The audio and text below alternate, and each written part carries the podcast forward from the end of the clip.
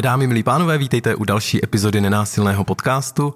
Jsem tu zase já, Petr Sucháček. A tak já, Petr Holík, vítejte.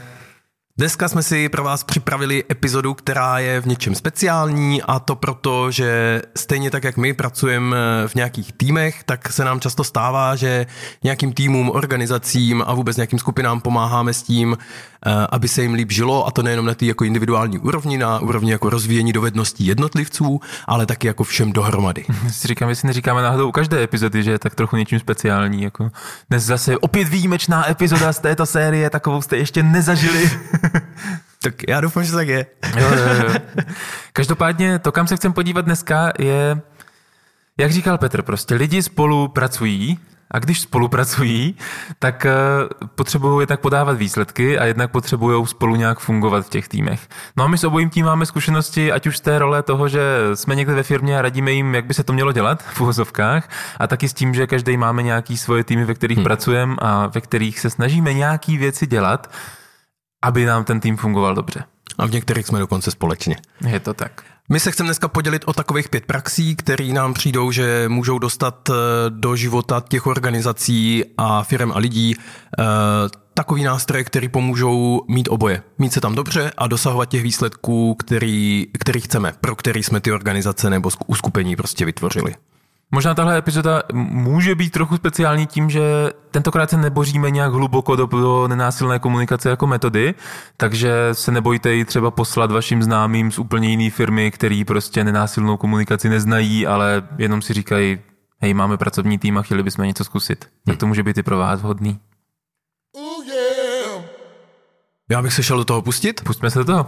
První, eh, první z těch eh, praxí nástrojů, který výrazně a významně doporučujeme, eh, říkáme jim check-in a check-out. Eh, jsou to takový eh, rituály, takové praktiky, které otvírají a zavírají setkání. A když říkám setkání, tak tím myslím jak porady, tak případně nějaký jiný typy toho, kde se nějaký lidi potkají a chtějí tam spolu něco dělat.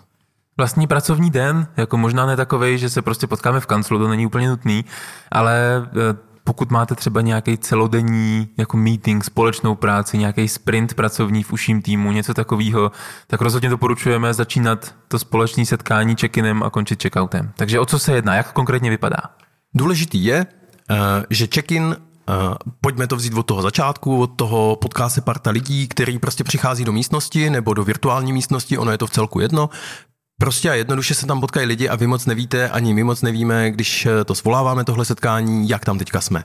A ta jedna z těch věcí, proč ten check-in funguje, a je, pak si řekneme, jak vypadá, tak jedna z těch věcí, proč funguje, je právě jako prostor k tomu přeladit se z toho, co bylo před tím setkáním a naladit se na to setkání. Zároveň to poskytuje nějakou jistotu v tom, že ještě než se začne něco dělat, tak budeme mít prostě tady ten prostor. Vždycky to začíná check-inem, to je zase nějaký bezpečí, nějaká jistota, orientace, kterou já i všichni ti lidi kolem mě můžou získávat z toho, že to celé setkání nějak začíná. Pro mě je důležité, že to je prostor pro informace. Hmm. Check-in je to místo, kde si předáme relevantní informace, které jsou důležité, aby věděla celá skupina o mně, nebo o mým projektu, nebo o mým naladění, nebo o mý práci, eh, předtím, než do té práce samotné vstoupíme. Jak takový check-in může vypadat? Když eh, byste byli u mě na workshopu nebo u Peti na workshopu, myslím si, že tohle sdílíme tuhle praxi všichni ven VC Brno, tak eh, to vypadá tak, že když je nás do nějakého počtu, tak se posadíme do kruhu, nebo jsme na Zoomu, a nebo jsme kdekoliv jinde. A než se pustíme do nějaký práce, tak celý to kolečko, ať už to jde pořadě nebo ne, tak obejdeme s, nějakou, s nějakým typem otázky.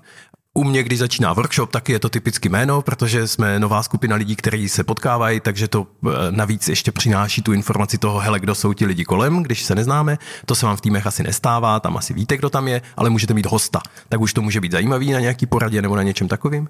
Jméno a potom eh, přidávám otázku, eh, protože jsme v kontextu nenásilné komunikace, tak se ptám, co zajímavého se vám stalo v posledním týdnu. To bývá taková typická moje otázka. A touhle otázkou objedeme všechny ty lidi, kteří tím pádem mají, každý z nich má prostor, což je důležitý, že mají prostor říct, hele, jak se jmenují nebo jak je jim příjemný, když jim to říkají a co zajímavého se jim děje v životě. Přijde že tohle je hodně jako formát té seznamky, jako když se potkám s cizíma lidma. Do pracovního týmu bych doporučil otázku klidně jednodušší, hele, jak se máte?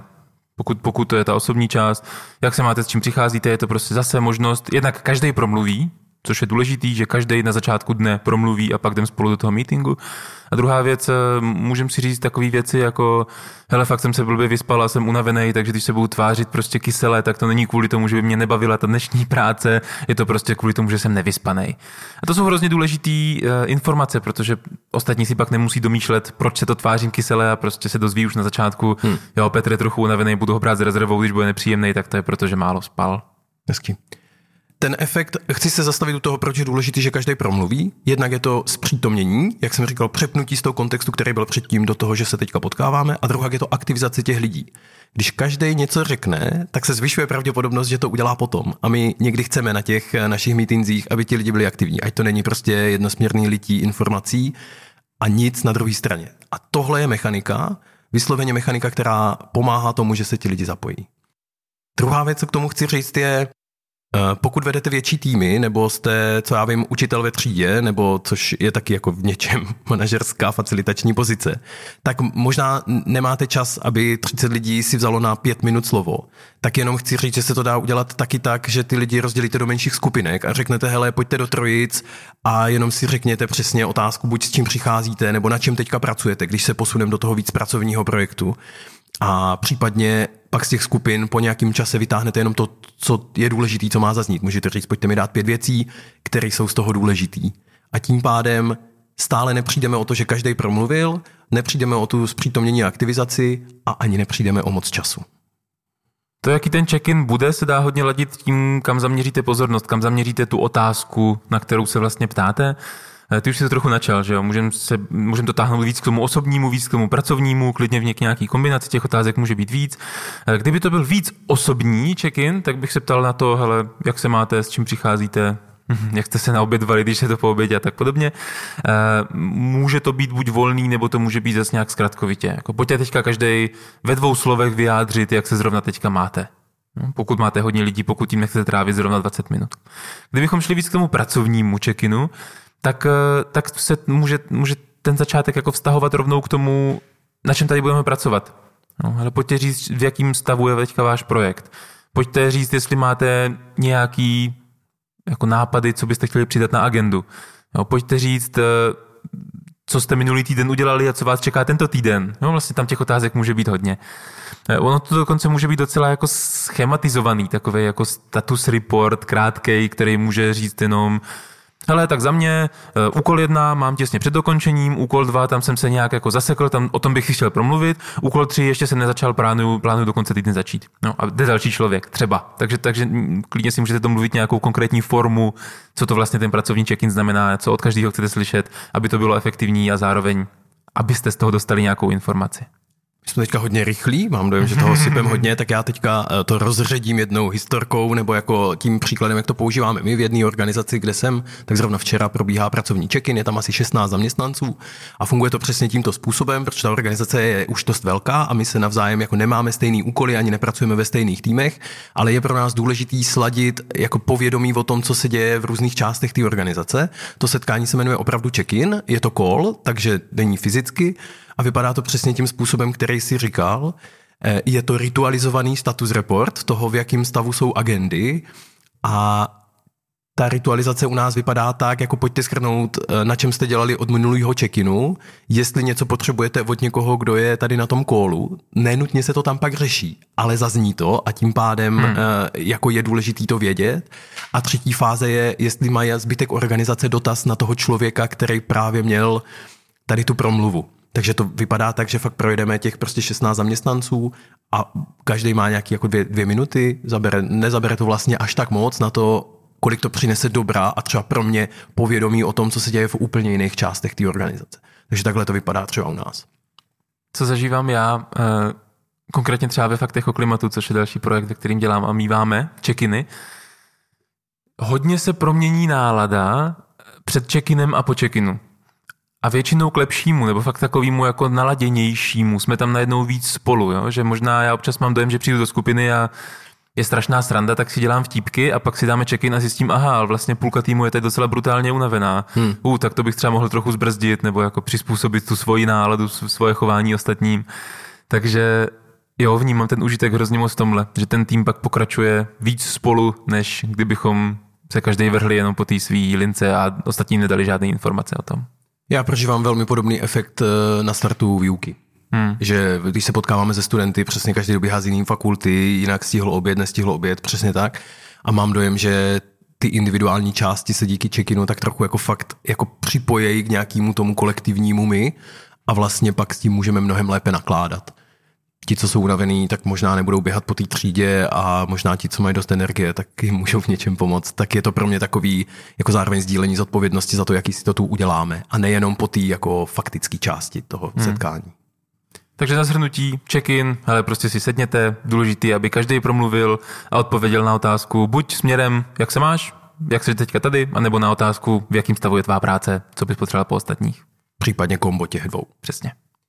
Takhle, tímhle rituálem se dá otvírat každé setkání, každá porada. Můžete si vybrat jak na to.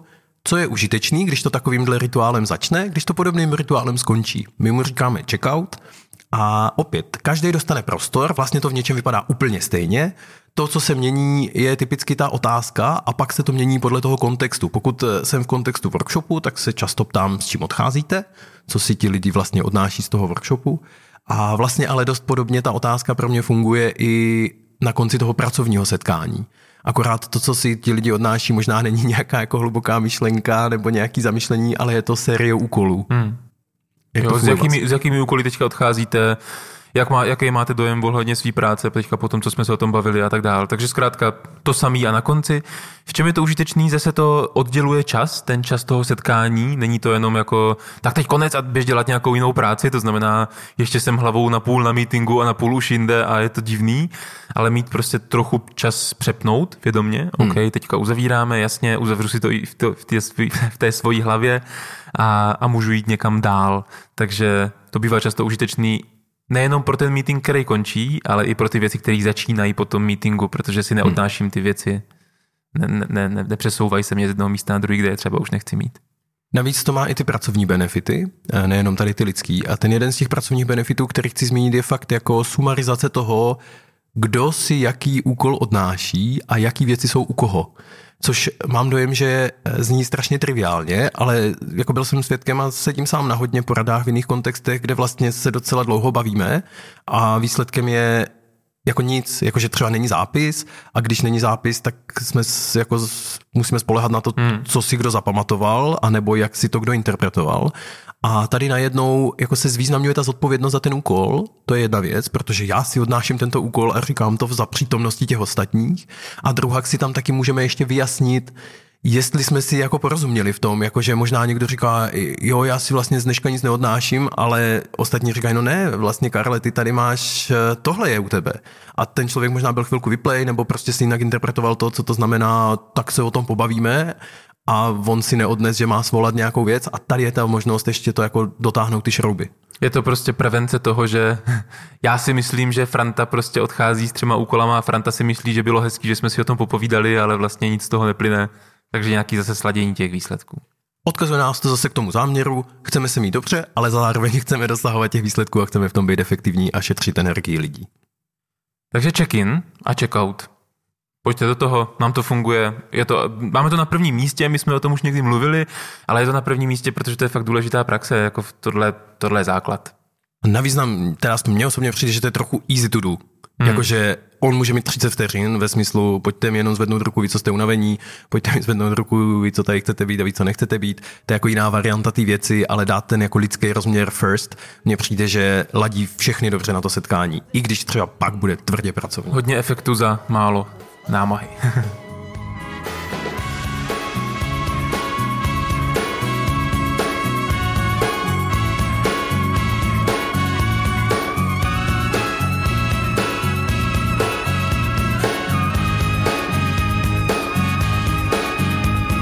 Tak jo, to byla první z pěti věcí. Druhá z pěti věcí, eh, o kterých chceme mluvit, je trošičku s tím souvisí a zároveň je to jako, týká se jednoho specifického prostoru. A sice pojďte mít ve svém pracovním týmu setkání, meetingy, které jsou zaměřený na lidi, na ten lidský rozměr. Tohle není věc, které, kterou musíte dělat dvakrát týdně, to prostě nejde. Že jo? Je to pracovní tým pořád ještě. Ale pojďte zkusit, ta frekvence, která podle mě funguje, ale jednou za měsíc, jednou za 5-6 týdnů, záleží pak jak dlouhý a tak. Ale jednou měsíčně aspoň, klidně jednou za 14 dnů, když to bude krátký. Pojďte mít setkání s týmem, a teď možná ne s 50 lidma, klidně s uším týmem, tak jak to jde, tak jak je to realistický, ve kterým se nebudete bavit o práci, z toho pohledu, jako kdo co udělá, v jakým stavu je ta práce, ale ve kterým se budete bavit o tom, jak vám v té práci je, jak se máte, jak se vám na tom dělá, kde byste potřebovali podporu, kde se na to cítíte sami, kde vás to štve, kde vás to baví, kde vám to jde dobře od ruky, kde máte jako záseky a cítíte, že prostě hmm. hej, tady se s tím trápím. No, zkrátka trochu otevřít to svoje srdíčko do té práce a, a povědět o tom, jak vám, jak vám v tom je, jak hmm. se v tom máte. To, co takový meeting, eh, já za něho velmi lobuju a chci nás odkázat zpátky k epizodě o moci, že uh, sdílet moc a vlastně ptát se lidí, jak se mají, je sice odvážný kousek, ale zároveň je jako podpůrný. To nevylučuje to, že se, jako, že pak je meeting pracovní v některý jiný den. To, co to typicky chce, tak to typicky chce nějakého facilitátora, někoho, kdo to svolává. A to může být jako externí facilitátor, to se nám taky děje, někdy jsme to my, může to být vedoucí toho týmu, ale nemusí to být nutně vedoucí toho týmu, dovedu si představit HRisty a lidi, kteří prostě mají jiný lidi na starosti. Já jsem to udělal dokonce v jedné organizaci, o kterých jsem teď před mluvil. Zavedl jsem meetingy, který jsem pojmenoval Jak se máte, jednou ze 14 dnů a zavedl jsem to z pozice řadového zaměstnance. Hmm. Prostě jsem říkal, hele, tady jsem zarezervuju zasedačku, budeme tam hodinku, dáme si diádu, povíme se o tom, jak, se nám, jak, se, jak, tam, jak tam tady v té práci je.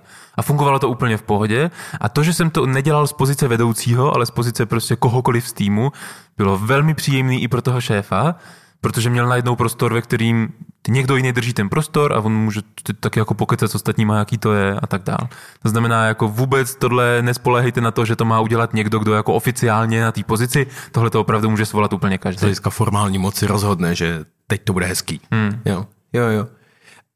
Tím se taky dostáváme k tomu, že je dobrý, když to nějak jako funguje. Jako, že, že tomu se daří, tady těm meetingům zaměřený na lidi, se daří za nějakých podmínek. Jedna z nich, kterou jsme tu trochu zmínili, je, že nám, že nám přijde, že to funguje, když je to pravidelný.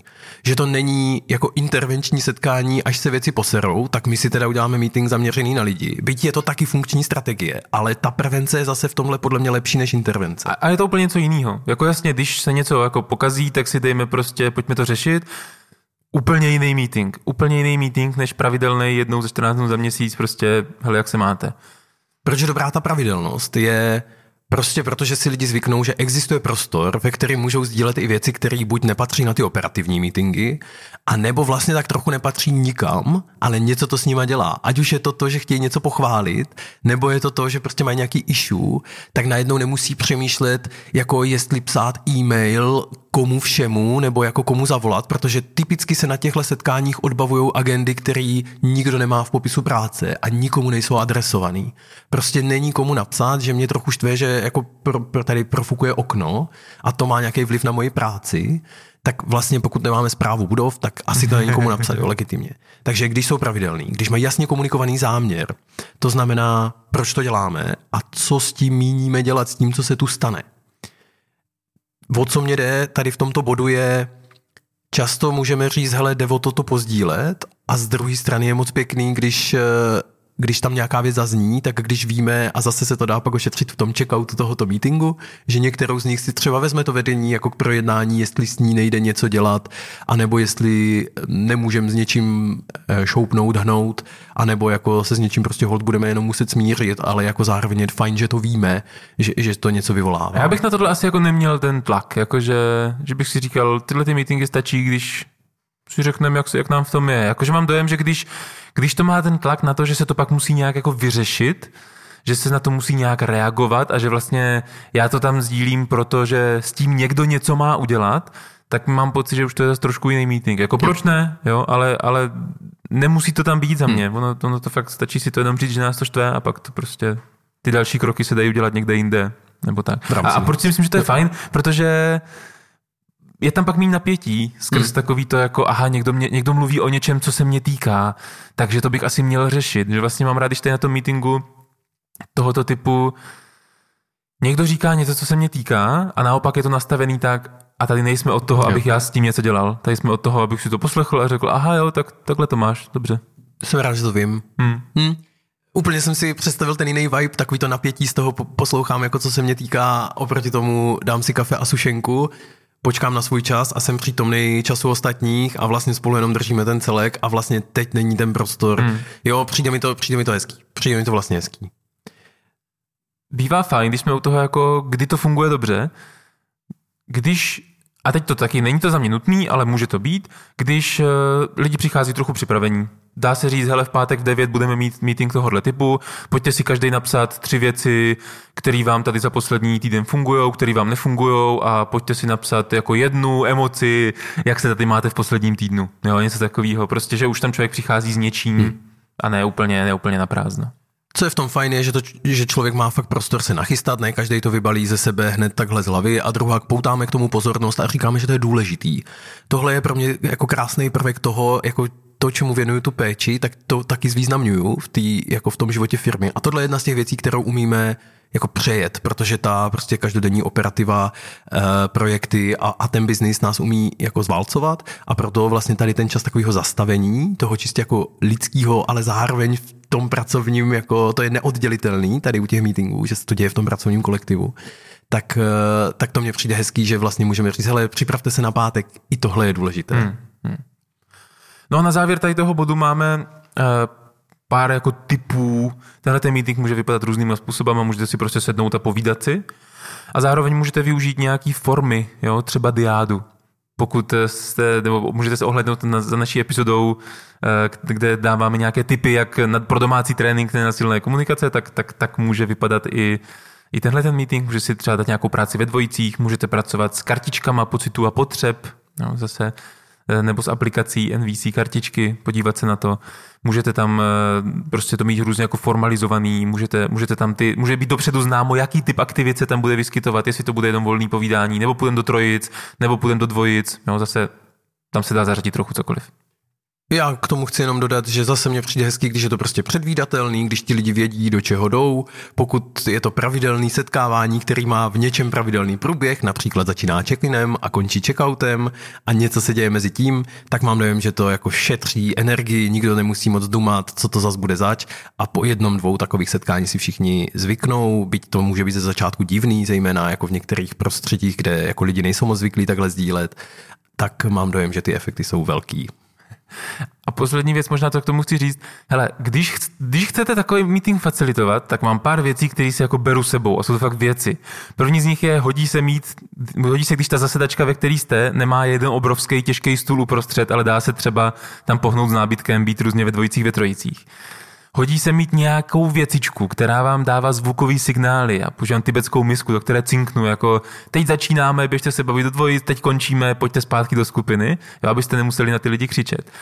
Hodí se, eh, když máte něco jako mluvící předmět. Jo, čím přiřazujete slovo, když je ta skupina třeba větší než 6-7 lidí, hmm. tak se hodí mít něco jako, hele, kdo teď zrovna drží tady tenhle ten míček, tak má slovo, všichni vědí, že má slovo, když bude chtít slovo někomu předat, tak mu hodí míček. No, je to taky jako vyloženě fyzický předávání té pozornosti. Zase pomáhá to v tom, že se pak třeba lidi nepřekřikují, nebo je jasný, kdy kdo mluví, kdy kdo mluví a pozornost je u toho člověka, u kterého má být. Tak to jsou jen nějaké jako fyzické předměty, které mi pomáhají takovýhle meetingy případně vést. Taky je mám rád, je to taky moje facilitátorská krabička bezpečí, o co se můžu opřít.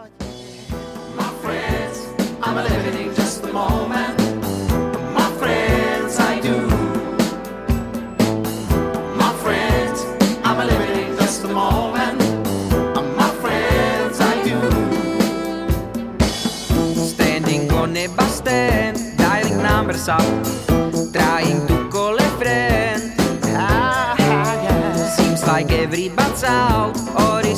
everybody dead? I am trying again. I'm so tired, been working midnight. I wanna go drinking with you. I'm so tired, a drink would be just right. I wanna go drink beer with you.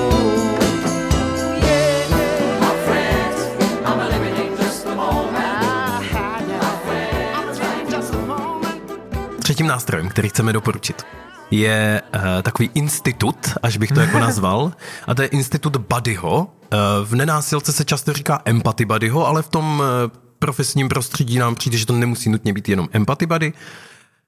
Odkud to vychází tady ta, tady ta myšlenka nebo tady ten nástroj, který nám přijde důležitý, je Byť spousta kolektivů má jedna jedničky s nadřízeným nebo dokonce se šéfem, tam záleží, jak moc eh, velká hierarchie tam je. Jo, tak... už, jak, jak buddy, buddy, jako je kámoš, jo, vysvětlu, mm. prostě jeden další člověk, nějaký můj kámo, tak proto, proto buddy. A jedna jedničky se šéfem, jo. pro ty vás, co zrovna nepracujete už 8 let v korporátech, znamená jako, jako setkání jeden na jednoho, že se potkáte mm. ve dvou s někým. mm.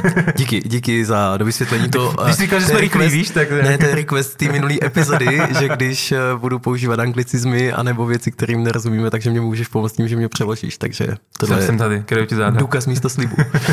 jo. Uh, no prostě pokud ten šéf těch lidí má hodně, uh, tak, uh, tak nemůže, asi to není fyzicky možné, asi to není ani pracovně efektivní, aby se vel, jako často potkával se všema na, právě tady jako ve formátu jeden na jednoho. V nějaký moment je to určitě užitečný, ale to neznamená, že ti lidi, kteří by s tím šéfem eh, na ty jedna jedničce byli, jeho nepotřebují kvalitní prostor, ve kterým s někým, s jedním člověkem dostávají to, co zrovna potřebují. Jsou nějakým způsobem vedení. Já bych se vlastně dokonce vůbec nebál použít tento slovo leadership, jo? nebo jako, že já potřebuju a teď to neznamená, že se zeptám Petře, co mám dělat, ale jo, ale, ale že, že, že jako konzultuju s někým svoji práci, mm-hmm. že mám na koho se obrátit, když potřebuju, že můžu někomu říct, hele, teď jsem fakt zasekl, já prostě vůbec nevím, co dál a ten člověk si to jenom poslechne a řekne mi, tak si dej kafe a řekne, jo, hele, díky, díky za ten prostor, tu dá. Jo, jako mít někoho, na, na koho se obrátit, to je možná fakt jako formulace, která mi tam sedí nejvíc. A, a často, a zase z týmů, ve kterých pracuju, mám zkušenosti, že lidi mají tendenci tohleto hodně chtít po tom šéfovi, hmm. že přece ty jsi mi tu práci zadal, tak přece musíš být k dispozici, když já nevím, jak dál, nebo když potřebuji od tebe nějakou podporu. Ale ono to prostě není možný dávat. Pokud je jeden šéf na více jak tři lidi, tak to prostě nejde. Takže alternativou je právě něco, čemu můžeme říct peer leadership, takový hmm. jako kolegiální prostě. Vedení se navzájem, no. jo, něco takového, mít prostě buddyho. Jedna z těch věcí, co můžete po takovým badym chtít, eh, je fakt jako profesní záležitost. A já mám dojem, že třeba my eh, to žijeme tohle docela hodně. Může to vypadat takový to, hele, mrkni mi na ten text, eh, tady jsem něco napsal a teď vlastně potřebuju druhý oči, tak jenom mrkni. Druhá věc může být, hele, potřebuji si srovnat myšlenky kolem nějaký věci. Můžeš mě, můžeš mě teďka chvilku poslouchat a říct mi, co si o tom myslíš? A nebo dokonce ani nemusíš mi říkat, co si o tom myslíš. Můžeš mě jenom chvilku poslouchat a případně mi položit dvě, tři otázky, které jako mě dopomůžou k tomu, k tomu přemýšlení. A klidně ještě jako víc profesní, že jo? To může být, hele, oba dva jsme prostě experti na energetickou bezpečnost a můžu říct, hele, podívej, já tady mám tyhle ty tři věci v prezentaci, zapomínám na něco, je tam podle tebe ještě něco jako důležitého, co bych měl komunikovat? Jo, a člověk, pokud rozumí tomu tématu, tak mi vlastně může dát tu radu. Co je na tom skvělého, je, že přestože ty joby nebo nějaký ty naše jako práce nebo nějaké agendy jsou individuálně naše, tak můžeme překonávat ten izolacionismus v té organizaci toho, že když je to můj úkol, tak na to musím dělat sám. A navíc to umožňuje těm ostatním lidem přispět nám do života a využít svoji expertízu. Já, jako možná to zní divně, ale mně přijde fakt hezký, když za mnou někdo třeba přijde a řekne, hele, mohl bys se na to podívat, prostě já mám dojem, že tomu rozumíš, a nebo na to budeš mít unikátní pohled. A jako mně to přijde hezký a já sám toho hrozně moc využívám. Jako každý text, než někde, někde poustnu, tak ho dám prostě přečíst třem lidem, jako už jenom čistě proto, že jak ten text je můj, tak od něho nemám odstup. A já vlastně chci, ať je to přístupný lidem a nejenom jako můj nějaký jako výžblebt. A je to skvělý. To, čem, to, kam se teďka zaměřujeme, je hodně ten jako profesní body, jo? že vlastně s někým jako konzultuju tu svoji práci aby jsme to rozdělili tak ta dvě kategorie. Jednak tady ta profesní linka, jednak může být fakt čistě empatická. Nenásilná komunikace mluví o tom, hele, empathy buddy. Je to nějaký člověk, který mi může dát empatii ve chvíli, kdy je mi těžko, ve chvíli, kdy to potřebuju. A je to trochu něco jiného. Zatímco u toho profesního já často chci jako názor, chci zpětnou vazbu, chci se bavit o tom tématu, tak u toho empatického buddyho já si možná jenom potřebuju odložit, já se možná potřebuji tak trochu vypovídat. Jo, já možná naopak nechci znát tvůj názor, já možná hmm. nechci radu. Já chci jenom vyslechnout, možná chci jenom jako reflektovat prožívání a nechat to být. Jo? A, a, a to je taky možnost, a myslím si, že velmi dobrá možnost, hmm. Eh, koho, někoho takového v práci mít. Na tohle ideálně někoho, kdo naopak je dál od té vaší práce koho jako se nebude týkat, když vám řekne, no ty v tom našem týmu je to teďka tak těžký, my jsme tak přepracovaný a on si řekne, hm, dobře, hm, OK, slyším. No, a nebude mít tendenci a vám radit. to přepracování s tebou, takže ti neříká, jo, ty vole, je to fakt špatný. Přesně tak. Pak taková ta empatie, co úplně nefunguje, tak jak jsme se tam bavili. Je takový člověk, co metaforicky uh, tě přikryje dekou a udělá kakao, ale nic jiného jako vlastně, vlastně po něm nechci. Drží ten prostor. A může být i na telefonu. A zase, jo, dá se to dělat online, dá se prostě někomu zavolat a říct si jenom, hele, potřebuje empaty buddyho. OK, tak povídej. Tak já mu tři minuty povídám a řeknu, hej, dík, měj se. Hmm. A končíme. Ať už je to profesní nebo empatický eh, buddy, tak eh, je fakt fajn, když chcete tady ten typ vztahu podporovat. Vlastně docela často v organizacích to funguje, když někdo nastupuje. Já dost pléduju za to, aby to bylo, i když je hodně seniorní a vlastně možná ví nejvíc, ale hmm. stále může chtít něčí pohled, prostě jenom s přihlednutím k tomu, kdo má kolik zkušeností a jakých věcí, tak je fakt fajn, když se domluví nějaký pravidla, jak ten vztah funguje. Nějaký z těch pravidel se určitě týkají toho, kolik času vlastně máme jo, na sebe. Je legitimní, když jste něčí body říct, hej, teď nejsem body k dispozici, protože teď má body vlastní práci, hmm. kterou prostě teď nemůže oddělat, takže a, se pojďme domluvit kdy. A fakt, fakt si definovat, jako prostě, hele, je to něco, čemu chcem dávat hodinu a půl měsíčně, nebo je to něco, čemu chcem dávat 10 minut každý den, jo, jenom ať navzájem víme, jako co, co od sebe očekáváme. Přesně tak, co, co to badíkovství vlastně obnáší. Pak, pak je další dobrá věc, která se toho týká, je vlastně, jak se o to žádá, jak se do toho jako vstupuje, jestli jako stačí poslat mail, který má v předmětu body prozba, dvojtečka, anebo prostě kolem toho zase nějaký jako jiný hmm. rituál, ať, ať prostě víme, jak se do toho vstupuje, ať to přesně má ty jasný kontury, kdy, kdy jsme body a kdy, kdy ne. Protože to, co se pak může stát a není dobrý, to by pak nefungovalo, je, že já jsem něčí bady, dělám si svoji práci a najednou za mnou do kanclu někdo vběhne a začne mi prostě požadovat empatii a to není dobrý způsob, jak do toho vstoupit. Takže zase trochu ošetřit. Ale když tě chci oslovit jako buddyho, tak ti napíšu tady hmm. a domluvíme si na následující den desetiminutovou schůzku nebo kol, jo, mít to nějak jako formalizovaný, jak se to dělá. Přesně tak. Poslední věc, co chci říct tady k Badimu, je hele, to nemusí být váš nejvíc největší kámoš, Dokonce to je asi lepší, když to není nejvíc nejlepší kámoš, právě proto, aby ten člověk mohl mít odstup, ať už je to odstup profesní, anebo je to odstup právě lidský, ať eh, s vámi třeba nezdílí, nevím, to zahlcení, nebo naopak nějaký jako velký euforický chvilky, tak eh, je to prostě člověk, který má ty potřebné dovednosti a má ten commitment, ten závazek k tomu být vaším badym, ale opravdu není nutný, ať je to váš nejlepší kámoš. Stále můžete chodit s někým na víno a tam vést jako jiný typ konverzací o tom, co se děje, ale bady nemusí být nutně ten nejbližší člověk. Jednu věc mám taky ještě, a sice, když tu konkrétní interakci s vaším badym máte, tak je fajn, když dokážete specifikovat zadání. Hele, co po tobě teďka chci. Protože to nemusí být vždycky stejný. Hmm. A, mož, a když dokážu říct, hele, teď fakt potřebuju radu, co mám ještě přidat do téhle prezentace. Můžeš se na ní podívat? Dobře. Nebo naopak chci říct, hele, teď ti chci jenom pozdílet, že jsem strašně zahlcený z té prezentace, nechci prostě, abys reagoval, ale jenom potřebuju se vynadávat. Je to v pohodě? Jo, OK. no, takže jako fakt specifikovat, co po tom člověku chcete, protože on to samozřejmě jako nevyčte. Hmm. Díky.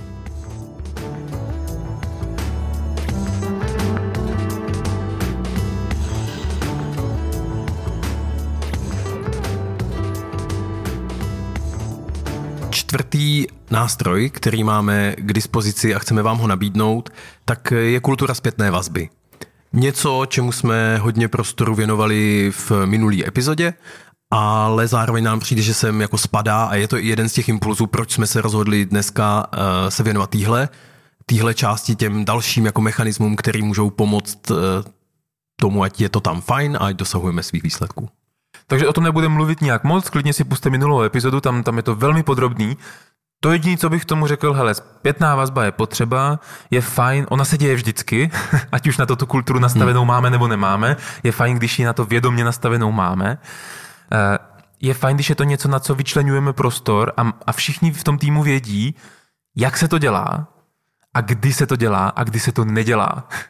Protože takový ty náhodný zpětný vazby ve chvíli, kdy hmm. zrovna mě něco naštve, to fakt nejsou jako konstruktivní zpětný vazby. To znamená, pracovat s tím prostorem vědomě, ať už je to pravidelný meeting nebo cokoliv, a, a ať všichni vědí, co to znamená, jak se to dělá, jaký to má postupy. Vlastně mě to odkazuje k tomu bodu číslo dva, eh, meetingy zaměřené na lidi, tak ty procesní věci, které jsme na to aplikovali, si myslím, že přesně sedí i tady. Hmm. Má to facilitátora, má to nějaký ritualizovaný podoby, děje se to pravidelně, tím pádem víme, kdy se to neděje hmm. Eh, a odkládáme to tady na tohle. Přijde mi, že od toho se dá inspirovat minulá epizoda a bod číslo dva dohromady a víc bych k tomu neříkal. Jo. To, k čemu bychom naopak chtěli říct víc, je bod číslo pět toho, co dělat v pracovním týmu, aby vám bylo dobře, aby tým fungoval. A to je uh, oceňování. Je to poslední věc, o které se, se chceme dneska bavit. A když říkáme oceňování, tak tím vlastně myslíme specifický druh zpětné vazby. A sice přemýšlím, jestli to je potřeba víc vysvětlovat. No, možná bych dal použít slovo jako pochvala, ocenění, upozornění na něco, co se povedlo, upozornění na to, že někdo udělal něco, co mu obohatilo můj pracovní hmm. život, jo, že něco se povedlo, poutání pozornosti na to dobrý, ať už u sebe nebo u druhých. Zase neznamená to, že na to špatný bychom se neměli poutat pozornost, jasně, ale opět mít jako specifický prostory k tomu, kdy se zaměřujeme na to dobrý, kdy oceňujeme, je užitečný. Přijde mi, že ten rozdíl mezi tou zpětnou vazbou eh, je jako jdeme něco do budoucna vylepšovat. To je takový jako pojďme, pojďme dotahovat věci a, hmm. a nebo právě jako jedna část té zpětné vazby a tohle je super, to si udržme. A myslím si, že to je přesně ta část toho oceňování. To je to moc díky. Končí to tím díky, není tam mohl bys prosím, ale je tam prostě díky. Mm-hmm. Decit, prostě díky, že se ti podařilo prostě dotáhnout ten projekt včas, protože to mě pak jako významně prospělo. Já mám teďka velmi silný zážitek, tak ještě než se dostaneme k tomu, jak na to oceňování, tak eh, my jsme měli teďka víkendovou praxi nenásilné komunikace, kurz workshopový mm-hmm. kurz pro pokročilý, který je, eh, my jsme to nazvali ve stylu chill and drill, jakože se tam chcem trochu jakože se chceme tam u toho mít dobře, ale zároveň fakt jako podrilovat. A jedna z věcí, co jsme si mysleli, že budeme takový maličký cvičeníčko, kterým vstoupíme do dne, byla uh, diáda na to, za co si vděčný. Mm-hmm. A původně to v našem farplánu mělo asi 20 minut, protože pět a pět minut a pak si o tom chvilku budeme povídat. Nakonec to zabralo tři čtvrtě hodiny. Změna energie v místnosti byla jako neuvěřitelná v tom, jak se lidem jako rozzářili oči, některým se zalili slzými. A bylo to strašně silný moment toho jako uvědomění si přepnutí toho svalu, toho mozku, ty pozornosti v tom, že se nám věci vlastně i daří, že jsou věci, za které jsme vděční, že v té práci jsou lidi, kteří nám pomáhají dělat tu naši práci dobře. A možná v pěti dní si toho nevšimneme, ale je strašná škoda, když se to ty lidi nikdy nedozví. A když se vracím k té praxi, eh, té nenásilky, co jsme měli o tom víkendu, tak po konci tohoto cvičení spousta lidí vytahovala deníčky a telefony a zapisovali si, komu chtějí něco říct. Přestože jakoby teď aktuálně se ta věc nestala. Prostě to, to se děje jako kontinuálně. A to je, to je přesně ten záměr, proč o tom teďka mluvím. To je přesně ten záměr, který bych si přál, aby tady ta kultura oceňování měla. Aby neměla žádný jako demand v tom, aby tam nebyl žádný jako dobrá práce, tak v ní pokračujte ještě zítra o 5% víc, ale aby to fakt si udrželo tu kulturu toho díky. Tohle mě fakt přispělo, takhle se mi pracuje dobře, za to moc děkuju. Hmm. Je to lepší život pak. Mně se tady u toho bodu upřímně nechce moc povídat o tom, proč je to užitečný, ale měl bych chuť říct, hele lidi, pojďte to zkusit, dejte si klidně jenom osobní závazek, že prostě v následujícím měsíci dám tři ocenění týdně svým kolegům hm. a pozorujte, co to dělá. Hmm. V celém tom týmu. Něco to dělá. A teď jak to dělat? Eh, jak na to, když chcete dát dobrý ocenění, tak ono že jo, dá se to asi udělat i blbě třeba, takže ten člověk nepochopí nebo, hmm. nebo to neprojde nebo tak. Tak máme pár typů. E, trošku to e, kopíruje e, strukturu čtyř kroků, který můžete zase se v jiné hmm. epizodě poslechnout. A ty kroky jsou následující. Když chcete někoho ocenit, pojďte nejdřív pojmenovat nějaké vaše pozorování, co konkrétně ten člověk udělal, na co reagujete. Protože když řeknete jenom, hele, díky tvoje práce mi fakt pomohla. Hmm, jsi tak, šikovnej. Jsi šiko, no, nedej bože. tak Petr neví, jestli prostě reaguju na to, že eh, mi přinesl kafe, nebo že udělal skvělou prezentaci, nebo že fakt dotáhl to jako programování, na který já jsem čekal a teď na něho potřebuji navázat. Hmm. Takže buďte v tom konkrétní. Hele, hele když prostě si neposlal ten kód a ten kód byl nejenom funkční, ale i jako dobře vyčištěný, takže jsem se v něm pak vyznal a mohl jsem v něm snadno dělat úpravy, tak mi to v něčem pomohlo. No, takže pojmenujte přesně, co je to, co oceňujete. Ta další část eh, směřuje právě k tomu, co už si jako říkal, mě to dost pomohlo, dobře se s tím pracovalo, to je ten efekt toho, nejenom to, co si udělal, ale jaký to na mě mělo efekt. A teď v pracovním kontextu to může být trochu pracovní efekt, hmm. jako jaký vliv to mělo na moji práci, například se mě to pak dělalo líp, rychleji nebo tak. A zároveň eh, i v tom osobním, i v tom pracovním můžeme taky přidat kus toho prožívání, jako měl jsem radost, Eh, pomohlo mi to, bylo to efektivní, mohl jsem pak jít dřív domů a prostě být s dětskama, jenom díky tomu, že ty jsi udělal dobrou práci.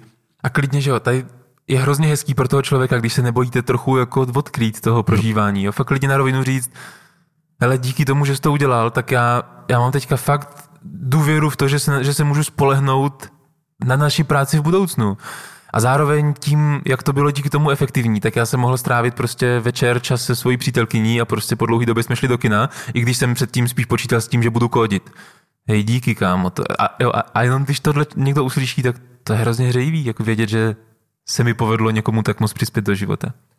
Mně na tom přijde jako hezký, že i když se to nepovede v celém tom syntaxu, jako se všema těma efektama, že je zřejmý, že jdu děkovat, to je jako důležitý. Hmm a v tu chvíli je pro mě, to je takový trošku smutný příběh, jako lehce tady s tím oceňováním, že vlastně docela dost lidí s tím má problém to přijmout, jakože vlastně to mají pak tendenci zlehčovat, jako ale to nic nebylo a tak. Já jsem jeden z nich teda. Jo. A já těžko, teda, těžko se mi to slyší. Já, když si toho všimnu, tak fakt eh, zopakuju jinak a podruhé to ocenění, protože opravdu chci, aby to do toho člověka, jako aby ho to trochu zasáhlo v tom jako dobrým slova smyslu, aby to fakt nenechal stéct tady tím jako denialem, jako jo, to se nic neděje. Teď je to moje práce. Je to moje jako... práce, hele, to by udělal každý, prostě tady na tom oddělení, jo, nejsem nějak výjimečný, no, já bych tam, já tam, to dělají moji studenti vždycky, co byste se pochválili a je pak, no, to, tady, to tohle jsem udělal blbě, tady by to šlo líp. A, no, zajímavý, zajímavý. A to co, to, co jako chci říct, je, že ten prostor pro tu reakci toho oceněného je vlastně taky zajímavý, jako hej, podívat se, hej, fakt jako díky a pak jako nechat mu ten prostor právě k tomu se k tomu vyjádřit, ne, jako neodejít hned, jako není to možná hotový. A já bych to vlastně jako nepodceňoval to, že jaký to je dostávat ocenění, protože fakt jako to, co se mi děje, že najednou na mě míří hodně velmi intenzivní něčí pozornosti a pro mě jakožto spíše introverta v tom, že cítím se v bezpečí víc, když jsem doma sám, než když jsem prostě ve skupině plné lidí, která na mě kouká. Pokud zrovna ve workshop, to je v pohodě. Um, takže to je pro mě fakt těžký přijímat. Hmm. Tak to jenom chci říct, že jako mám empatii s váma se všema, pro který to je těžký taky. Na konci semestru minulého tam mnou přišli studenti, kteří přišli dva za ráz, že se o tom bavili a teď tam na mě začali sypat prostě ocenění. A já jsem to vůbec nedal, jakože jsem na jednu stranu si říkal, to je hrozně super, na druhou stranu jsem byl fakt ve stresu, že jsem jako, uf, ty a jak, co mám, a co mám teďka dělat, teď přece to zase nebylo to, a, a opravdu jako jsem prožíval velký zahlcení a zaseknutí toho jako, uf, díky, ale jak na to mám reagovat, takže chci říct jenom, jo, empatizuju s váma, hmm. který, pro který je těžký ocenění přijímat. Tak já mám jednu výzvu, ještě než budou další výzvy.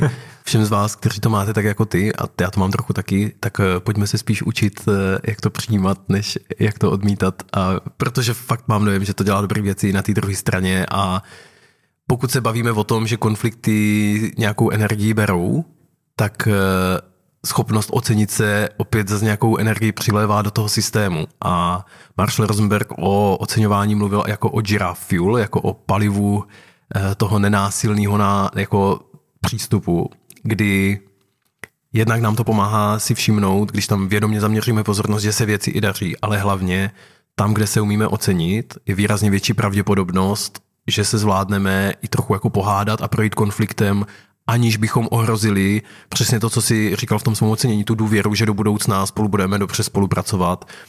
Přesně to, že nám jde o jako dobrou práci, jenom teď se neschodujeme na tom, co to přesně znamená, tak ta důvěra, jako tam, kde se umíme ocenit, se výrazně víc jako nestrácí v tu chvíli, kdy já za tebou přijdu jako s náročnějším tématem. Přesně, jako úplně ve zkratce, když já jsem ti tenhle týden třikrát řekl, v čem tvoje práce je skvělá, tak se vůbec nemám obavu za tebou přijít s tím, že hele, teďka jsi to posral.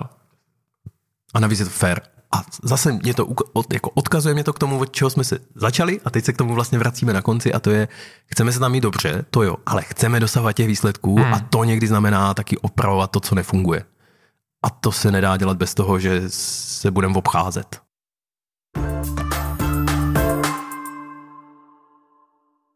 My jsme si dneska prošli pět bodů, pět věcí, které můžete dělat v pracovních týmech, když chcete, aby jednak to bylo efektivní a jednak se vám spolupracovalo dobře. A ty body jsou následující. První z nich check-in a check-out. Druhý z nich meetingy zaměřené na lidi. Bavit se o tom, jak se máte. Třetí, pojďte mít buddyho, anebo empaty buddyho. Čtvrtý, zaveďte si kulturu zpětné vazby, ať je vědomá a ať se ví, jak se to dělá, jak se to nedělá. A pátá věc, podporujte oceňování, ať už to děláte sami, nebo to dělá celý systém, třeba na tom meetingu zaměřeným na lidi. Takže tak, dejte nám vědět, jestli jste něco z toho vyzkoušeli a s tím možná, jako bychom vás chtěli tak jako po, poňouknout k, k takovému domácímu úkolu nebo možná typu. Možná některý z těch věcí ve vašem pracovním týmu jsou běžný a už je děláte. Cajk. Možná některý z těch věcí neděláte. Pojďte zkusit třeba v následujícím měsíci dvou jednu z těch věcí zavést. Pokud máte pracovní tým, ve kterým se neděje ani jedna z těch pěti věcí, tak nemějte ambice, že během dvou týdnů se začnou dělat všechny, ale pojďte zkusit jednou z jednou z nich. Jo. Můžete třeba zkusit si domluvit badyho u kolegy. Můžete třeba zkusit někoho dvakrát ocenit. Jo. To jsou všechno věci, které se dají dělat z jakékoliv pozice. Tohle není epizoda pro manažery. Tohle je epizoda úplně pro kohokoliv. Všechny tady tyhle ty věci se dají velmi ovlivňovat z jakýkoliv pozice jste v té práci. Přesně tak. Oceňovat může každý každýho a to, co jenom chci říct, je, že moje opakovaná zkušenost eh, se zaváděním změn nebo nějakých jako mm, drobných úprav v organizacích je, že ta kultura se pak šíří. Oni si totiž lidi z jiných oddělení často všimnou, že na tom jiném oddělení se třeba víc smějou, nebo je. že je jim v té práci líp, nebo že dosahují lepších výsledků, nebo typicky v oboje dohromady. A ono to lidi začne počase zajímat, jak jste to udělali. A vy možná pak můžete přijít, není to magie, je to čeky. Hmm. Já jsem tady přes ty reklamy, jak často já jsem, říkáš. Přesně jsem, já jsem vůbec, já jsem že to úplně, já jsem dokonce chvilku cítil tlak, že já budu muset říct, že máme Patreon. Přátelé, máme Patreon. To, co je na něm zajímavé, je, že jsme nedávno zavedli uh, za nějaký level patronství to, že, že dáváme pravidelný bonusový materiály. V poslední době je to takový výcud z těch epizod. Takže pokud vás baví nejenom si to poslechnout, ale pak se na to podívat i v textu, jako hele, tak tady to máme přehledně sepsaný na jedné, dvou a čtyřkách, tak, eh, tak to tam najdete. Takže budeme moc rádi, když o tyhle materiály budete mít zájem a budeme ještě víc rádi, když podpoříte tvorbu našeho podcastu. Pro nás to není ziskový projekt, nesponzoruje nás nikdo, nemáme tu reklamy, ale přesto nás produkce něco stojí, tak když přihodíte nějakou tu kačku, budeme moc rádi. Dá se začít už na 50 koruně za epizodu, což je asi trochu fér. Já myslím, že dnešní epizoda se chýlí ke svému konci, jenom chci říct, že i do nenásilkového světa Eh, pronikla nebo jako týká se nenásilka i biznisu, chci doporučit eh, minimálně jednu knihu, to jenom tak na závěr, I Klasater, Bůh ví, jak se čte to jméno, eh, tak já to pak dám do popisu epizody, napsal nenásilkovou knihu, která není tlustá a jmenuje se to Words That Work in Business. A je to vysloveně Ike je šéf právnické firmy, který mm-hmm. konvertoval k nenásilí v průběhu toho, co už tu firmu měl, tak tam popisuje i příběh toho, jaký to je se o ty změny snažit z pozice, když už je něco zavedený a pak to mění. Přijde mi to velmi praktický, velmi pragmatický, příjemná malá kniha v angličtině. Můžete zgooglit. Myslím, že se dá najít i na místě, kde pak za to třeba musíte platit. Třeba v knihovně. Jo. Přesně tak jsem to myslel. Díky moc, přátelé, mějte se krásně a u další epizody se na vás těšíme zase za nějaký čas. Ahoj.